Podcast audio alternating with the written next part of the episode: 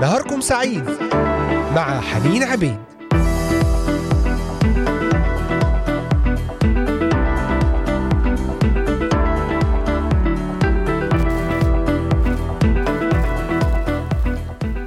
أهلا وسهلا بكل أحبائي المستمعين. من انضموا إلينا الآن من إذاعة صوت الأمل من الأراضي المقدسة لكم أجمل وأطيب تحيات. أهلا بكم أينما كنتم من مختلف بلدان الشرق الأوسط بلدان أوروبا كندا أمريكا أستراليا أينما كنتم تتواصلون معنا وتتابعوننا عن طريق صفحة الفيسبوك إذاعة صوت الأمل أو تستمعون إلينا من خلال قناة اليوتيوب للبث المباشر إذاعة صوت الأمل وعن طريق تطبيقات الهواتف النقالة Voice of Hope Middle East. وعلى منصات البودكاست المختلفة بإمكانكم الاستماع إلى هذه الحلقة وحلقات أخرى من برامجنا المختلفة.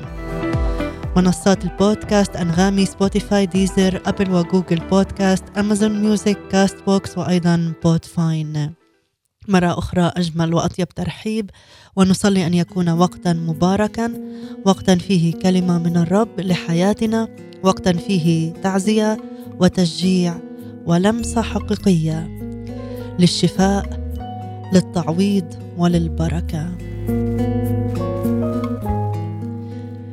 إن كنت تريد أن تغير حياتك أو أي ناحية في حياتك فينبغي أن تغير طريقة تفكيرك.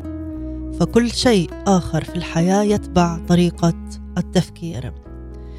آية رائعة في سفر الأمثال تقول لأنه كما شعر بنفسه هكذا هو. أو في ترجمات أخرى كما شعر في نفسه هكذا يكون. بنفس الطريقة التي تشعر بها وتفكر بها هكذا تكون. كنت تشعر بالحزن فستكون حزينا. كنت تشعر بالفرح فأنت فرح. كنت تشعر بالمرض فأنت تستدعي المرض لحياتك. يجب أن نوفي الأفكار حق قدرها. حق قدرها للأفكار قدر وأهمية كبيرة في حياتنا. وكلما درسنا كلمة الرب وتعمقنا فيها أدركنا أهمية الأفكار التي نفتكر بها والكلمات التي تخرج من شفاهنا.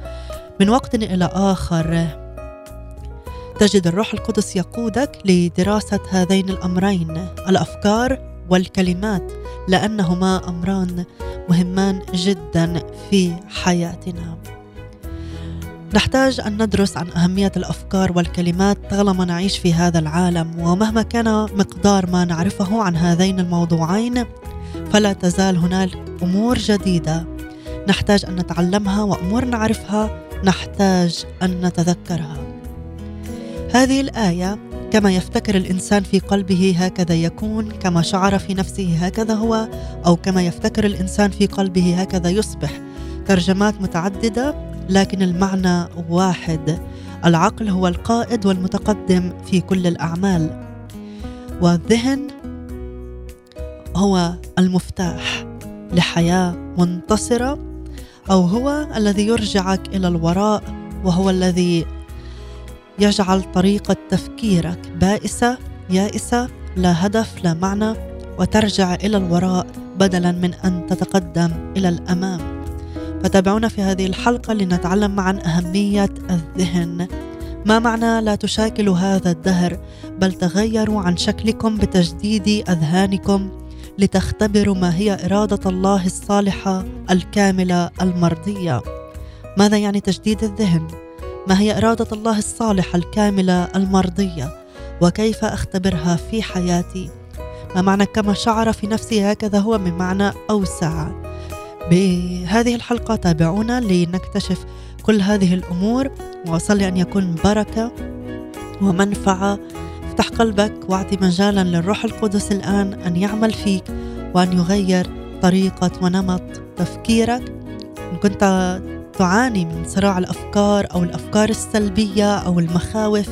قل يا رب تعامل معي في هذا الوقت باسم يسوع المسيح. آمين آمين. دعونا نستمع إلى فريق الوعد وترنيمة تصعد أمامنا ونرجع لنتابع في حديثنا في هذه الحلقة.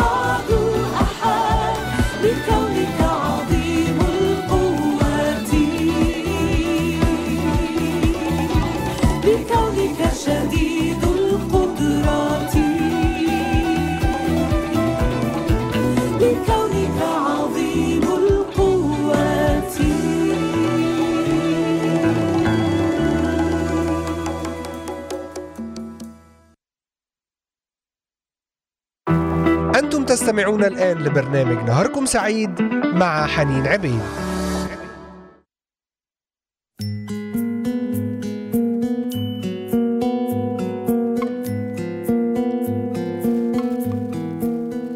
نعم ما أروع هذا الوعد. لا يفقد أحد لكونك عظيم القدرة. أعلن إيمانك اليوم أن الرب عظيم القدرة. قدرته تفوق العقل والخيال. نتحدث اليوم عن طريقة التفكير وكيف تؤثر على حياتنا كيف تؤثر على المصير.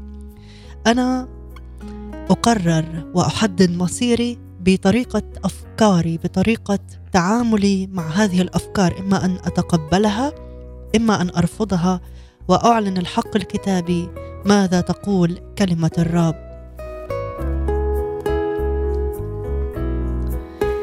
روميا الأصحاح الثاني عشر والآية الثانية. هذه الآية مفتاح للحياة الروحية. تقول لا تشاكلوا هذا الدهر بل تغيروا عن شكلكم بتجديد أذهانكم لتختبروا ما هي إرادة الله الصالحة الكاملة المرضية. وسألنا قبل الفاصل ما معنى إرادة الله الصالحة الكاملة المرضية؟ وكيف أختبرها؟ ما معنى تجديد الذهن؟ ما معنى تغيروا عن شكلكم؟ ما معنى كما شعر بنفسه؟ هكذا هو. كل هذا سوف نتحدث فيه في هذه الحلقة. بمعنى لا تأخذوا نفس شكل العالم هذا هو. تغيروا عن شكلكم بتجديد أذهانكم. تغيروا عن الشكل الذي كنتم فيه. الأفكار التي كنتم تفكرون فيها. طريقة التفكير التي كنتم تتبنوها عند مواجهة أي ظرف أي تحدي أي صعوبة. ماذا كنتم تفكرون قبل أن تختبروا المسيح؟ هذا الشكل شكل العالم شكل الإنسان الجسدي. تغيروا عنه لا تأخذوا نفس الشكل. ممكن أن نأخذ شكل العالم بنواح مختلفة. ممكن أن لا نأخذ شكل العالم بنواح مختلفة. لكن هنا بولس الرسول يركز على الناحية المتعلقة بالذهن. كيف أفكر؟ يجب أن يتغير تفكيري عن فكر العالم إلى فكر المسيح. رسالة فيليبي تقول لنا فكر المسيح. أحبائي كلمة تغيروا المستخدمة هنا وردت بنفس المعنى في قصة التجلي عندما قال عن الرب يسوع له كل المجد تغيرت هيئته أمامهم. تغيرت هيئته أمامهم. تغيير تحويل. هيئتي تتغير طريقة حياتي تتغير طريقة تفكيري تتغير. نحن جميعا ناظرين مجد الرب بوجه مكشوف. نتغير إلى تلك الصورة عينها من مجد إلى مجد. المفتاح للتغيير هو أن نرى مجد الرب باستمرار أن نكون أمام كلمته. المعلن فيها مجده والمعلن فيها إرادته لحياتنا. كل واحد فينا مدعو أن يتحول إلى هذه الصورة صورة المجد. نتغير من مجد إلى مجد. التغيير يكون عن طريق الجلوس في محضر الرب. نعم في خلوة وتسبيح لكن ليس هذا فقط مع أنه جزء أساسي. لكن نتغير بتجديد الذهن. هذا الاختبار. تجديد الذهن يجعلني أتمتع بعمل الرب في حياتي وأرى مجده يسكب أكثر وأكثر في حياتي. هل تشتاق إلى هذا الاختبار؟ هل تشتاق إلى هذا المجد أن يسكب في حياتك؟ الطريقة هي تجديد الذهن. نعم الخلوة مهمة الصوم مهم الصلاة مهمة العبادة والتسبيح. لكن في هذه جميعها يجب أن أفتح ذهني للروح القدس أن يتعامل وأن ينقل هذه الأمور إلى روحي وإلا ستبقى مجرد معلومات وآيات وشعارات لا تغير في شيء في الداخل. قل له يا رب جدد ذهني اليوم. لأتمتع بحريتك. آمين آمين. تعالوا نستمع إلى زكريا حنا وإسحاق كرمي بثقة أتقدم أمام عرش النعمة. ونعود ونتابع وإياكم في هذا الموضوع.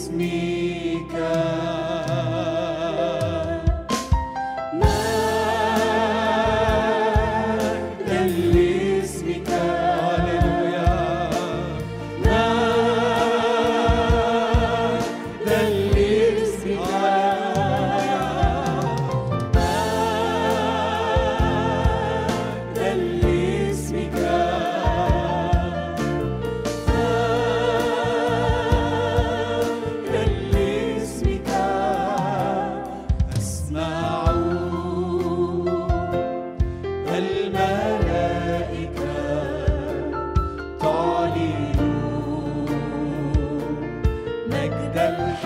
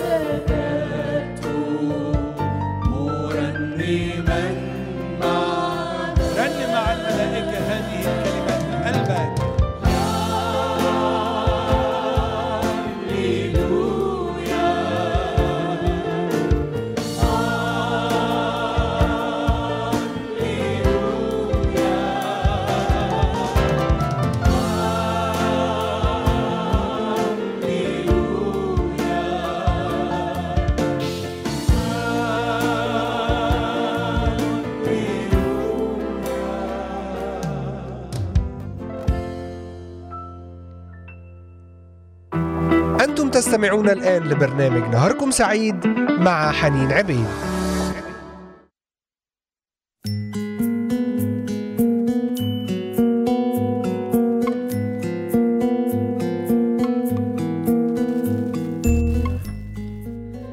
نعم أحبائي نعود ونتابع وإياكم عن موضوع تجديد الذهن. لا تشاكلوا هذا الدهر بل تغيروا عن شكلكم.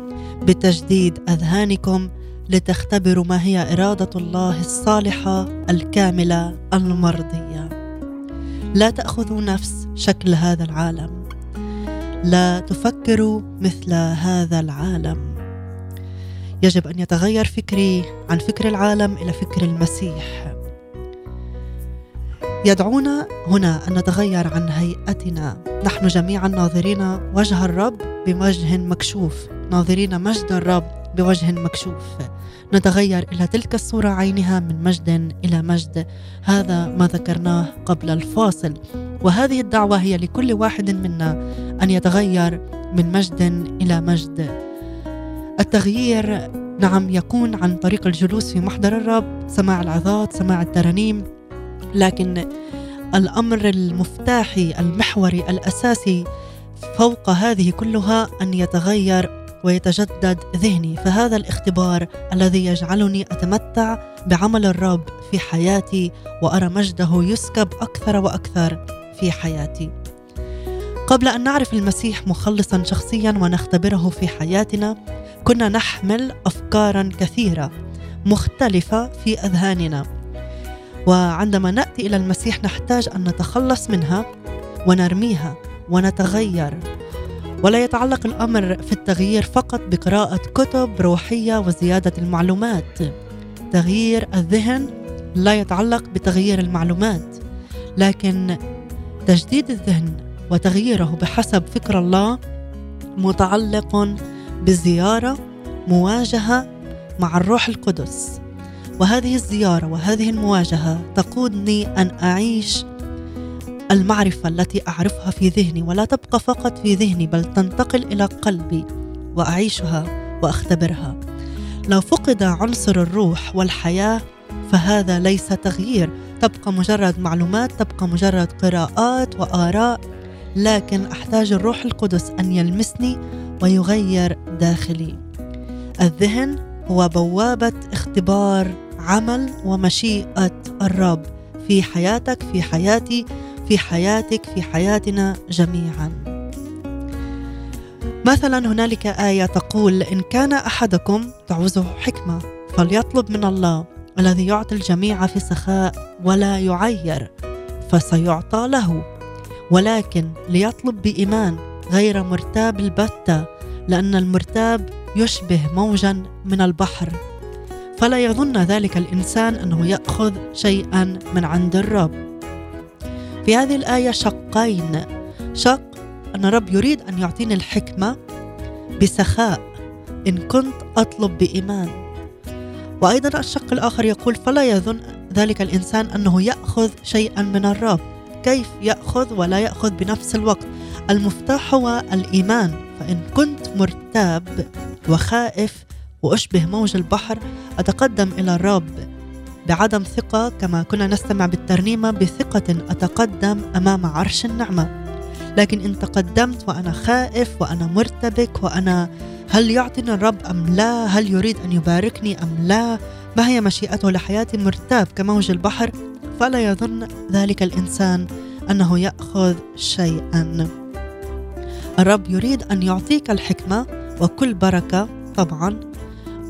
الصحة النعمة البركة الحكمة الفرح السلام كل ما تريده من نجاح في عملك في أسرتك.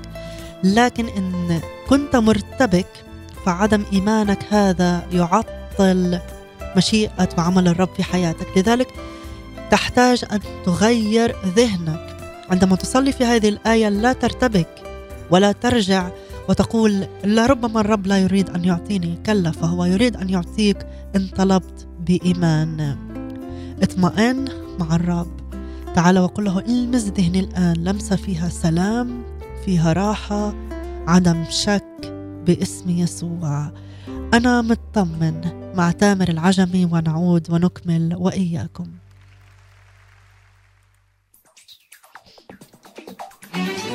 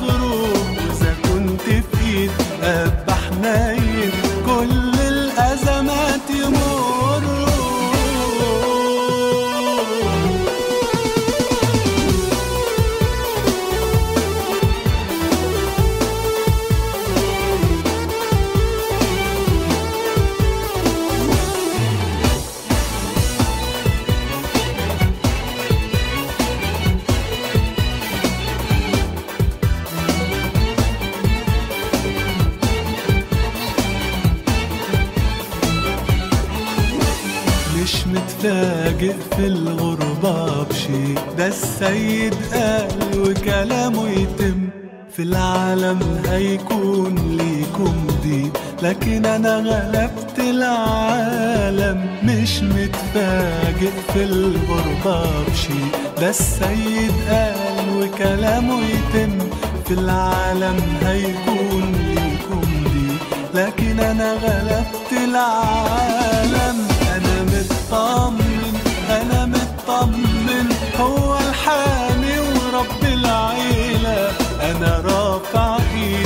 بصلي اليه لكن هو شايل الشيلة. أنا مطمن أنا مطمن هو الحامي ورب العيلة. وأنا رافع إيدي بصلي اليه لكن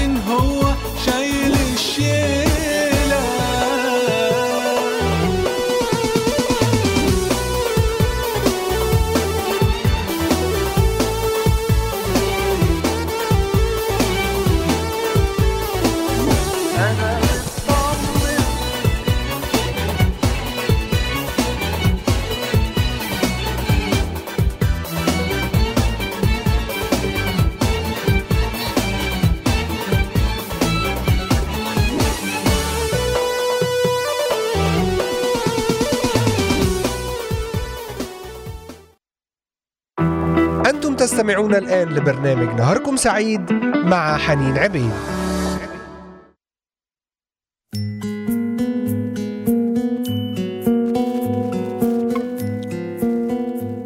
نعم أنا مطمن أنا مطمن.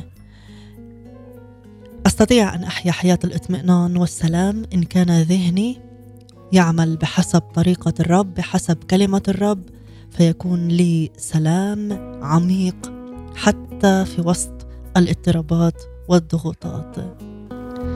وفي حديثنا اليوم عن تجديد الذهن لاختبار إرادة الله الصالحة الكاملة المرضية.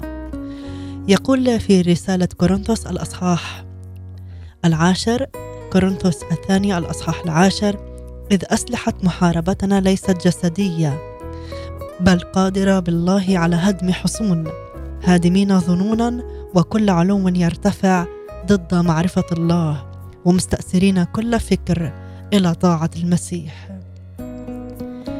كما قلنا سابقا أن الأفكار أهمية بالغة.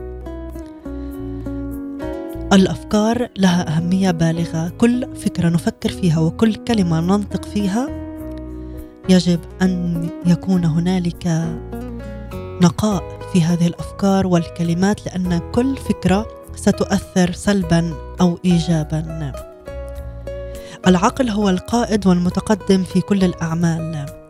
يقول في رسالة روميا الأصحاح الثامن إن الذين هم حسب الجسد فما للجسد يهتمون ولكن الذين حسب الروح فبما للروح أي للروح القدس.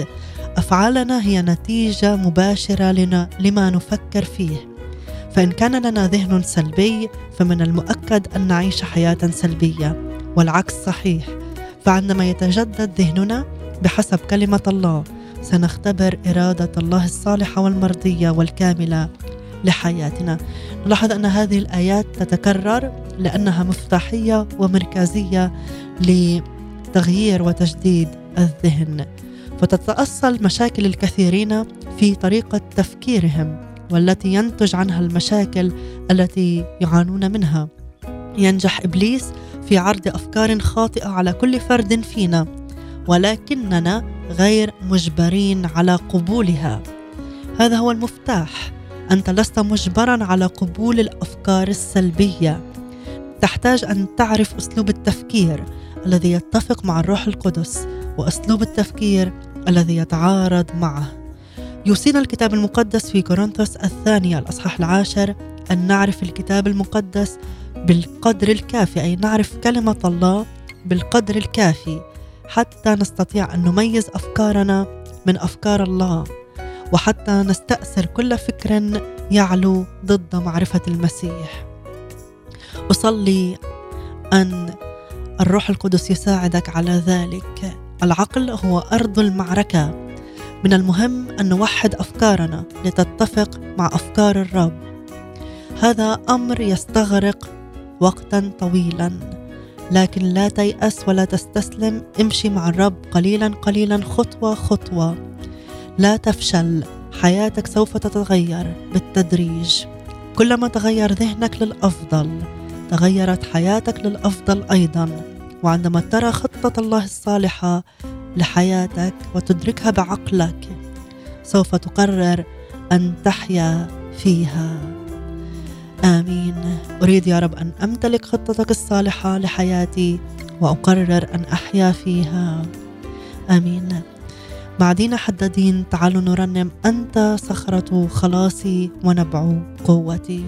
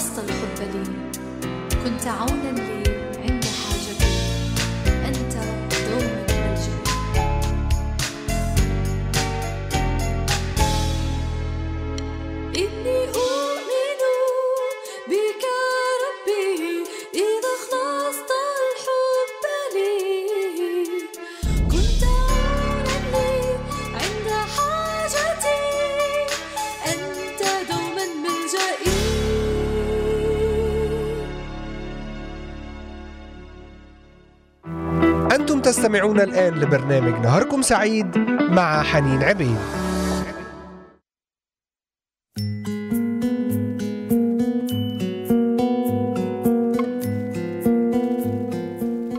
إني أؤمن بك ربي إذ أخلصت الحب لي والذي أخلص الحب لك دفع الثمن بالكامل قدم نفسه بمحبة لك يريد أن يغير ذهنك. لتتغير حياتك لتكتشف ما هي إرادة الله الصالحة الكاملة المرضية. إرادة الله صالحة. هو صالح هو الراعي الصالح. لا يعمل إلا الصلاح في حياتك وحتى الشر. يحوله للخير. هو كامل إرادته كاملة مرضية. كنت تشتاق أن تختبر هذه الإرادة. قل له يا رب غير جدد شكل ذهني. عقلك ذهنك هو ساحة المعركة.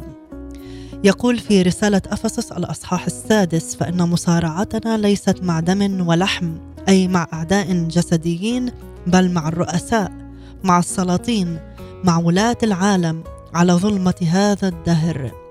مع أجناد الشر الروحية في السماويات أي في العالم الروحي. إذا معركتنا روحية ويجب أن يكون هنالك أسلحة روحية. حربنا ليست مع بشر لكن مع إبليس وجنوده ويحاول العدو أن يهزمنا عن طريق سياسة يتبعها وخدعة يمارسها علينا وخطة مدروسة جيدا يتعمد فيها خداعنا. وصف إبليس في الكتاب المقدس في إنجيل يوحنا الأصحاح الثامن أنه كذاب بل وأبو الكذاب أبو كل كذب. فهو يكذب عليك وعلي ويخبرنا بأشياء غير صحيحة عن أنفسنا وعن الآخرين وعن ظروف حياتنا. الا انه يخبرنا بالأكذوبة كلها مرة واحدة أو يخبرنا بها بالتدريج. فانه يخترق أذهاننا بفكرة صغيرة تحتوي على الشك أو الخوف أو التعجب أو العقلانية أو إحدى النظريات الحديثة ثم يتحرك ببطء وحذر. فالخطط المدروسة جيدا يستغرق تنفيذها بعض الوقت. إنه يحارب بسياسة وبخطة موضوعة وبعد أن صرف وقتا طويلا في دراسة شخصياتنا فهو يعلم ما يستهوينا وما لا يعجبنا ويعلم نقاط الضعف فينا كما يعرف الأشياء التي تخيفنا والأشياء التي تقلقنا وهو يسعى لهزيمتنا مهما كلفه الأمر من وقت. الصبر هي إحدى نقاط قوة إبليس. هذا عن العدو. عدونا يعمل بهذه الطريقة. إبليس يعمل بهذه الطريقة. لكن كيف نهدم هذه الأفكار وهذه الحصون أسلحة محاربتنا ليست من دم ولحم بل قادرة بالله على هدم حصون. بالله بقدرة الله بالروح القدس.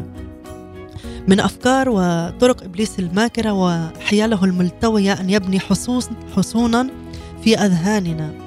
والحصن هو المكان الذي يسجننا فيه ويقيدنا نتيجة لطريقة تفكير معينة نفكر بها. فكرة صغيرة. تنشأ وتستمر حتى يبني إبليس ويشيد حصنا في داخلك. في قول الرسول بولس في هذه الآية يتضح لنا أن عندنا من الأسلحة ما يكفي لهدم تلك الحصون. سنتكلم عن هذه الأسلحة بتوسيع أكثر في هذه الحلقات، ولكن أحبائي لندرك جميعا أننا في حرب روحية مع إبليس وجنوده. ويوضح لنا العدد الخامس من هذه الآيات التي قرأناها من رسالة كورنثوس الثانية. أن الذهن هو أرض المعركة. علينا أن نأخذ تلك الأسلحة.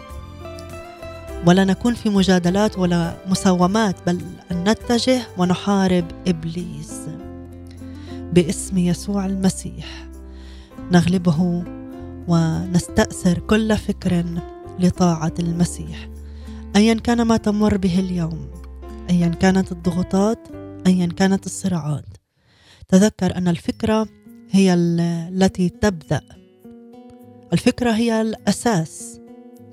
كنت تصدق أنك ستصاب بمرض أنت تفتح بابا على حياتك لتصاب بالمرض. كنت تصدق أنه سيحصل حادثة معك. فستصاب. كنت تصدق أنه سيحصل كذا وكذا مع أولادك في المدرسة. تسعين بالمئة سوف يحصل. ما تقرر به وما تشعر به هكذا ستكون. حبائي رأينا في هذه الحلقة خطورة التفكير والذهن وتأثيره على المصير. لذلك تعال اليوم وبينما نحن نختتم هذا الوقت صلي كله يا رب. مصارعتي ليست مع دم ولحم بل مع أجناد الشر الروحية. أعطني قوة روحية باسم يسوع لأغلب في هذه الحرب. أشكرك على الأسلحة التي منحتني إياها. أقرر أن أستعملها اليوم وأن أكون مغطى بدم المسيح. أشكرك لأن لي فكر المسيح وكلمة المسيح التي قادرة على هدم كل حصون. أي أمور تحاربني بالمرض بالشكوك بضعف الإيمان. انتهرها باسم يسوع. صلي أن يكون ذهني للرب. آمين آمين آمين. وأنا ليه أخاف وأنت الإله قلوب الملوك في يدك جدوى المياه ملك الملوك سيد الأسياد. تعال نختتم مع مودي محروس وسوزي سعيد بهذه الترنيمة. ولنا لقاء آخر بنعمة الرب يوم غد بنفس الوقت. تابعونا وكونوا معنا في حلقة جديدة من برنامج نهاركم سعيد. لكم مني أجمل وأطيب التحيات. إلى اللقاء بنعمة الرب. أفكارك عجيبة عن فكري بعيدة.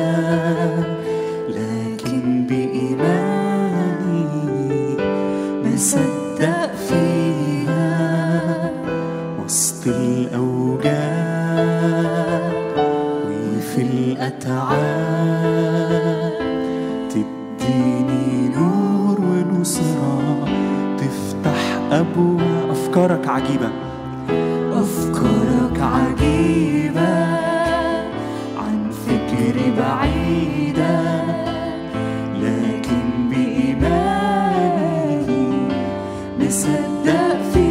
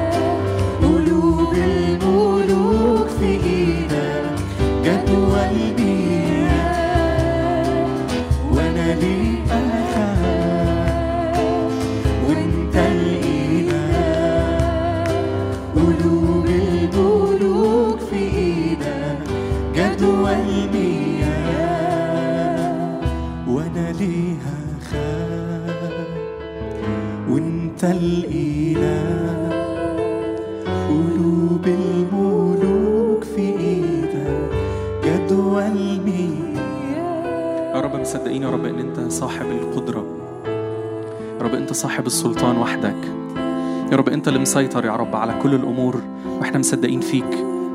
يا رب مصدقين يا رب إن أنت ماسك يا رب بزمام الأمور.